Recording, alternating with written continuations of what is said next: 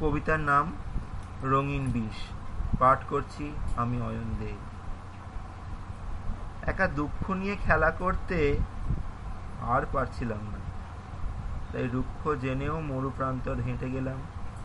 যদি কোথাও বা কৈশিক বাড়ি বিন্দু জমে ওঠে, তপ্ত সাহিত্যের ব্যাকরণ আত্মস্থ করতে গিয়েছিলাম।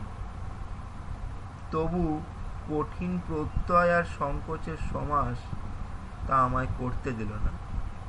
তবু ঘুরেছি মাথায় আগুন নিয়ে জীবনের রসদ মরুর বুকে ভরে দিতে। তবু শীতল রহস্যের সমাধান হয়ে ওঠেনি। তাই আজও তিলে তিলে রঙিন বিষ পান করি। নমস্কার।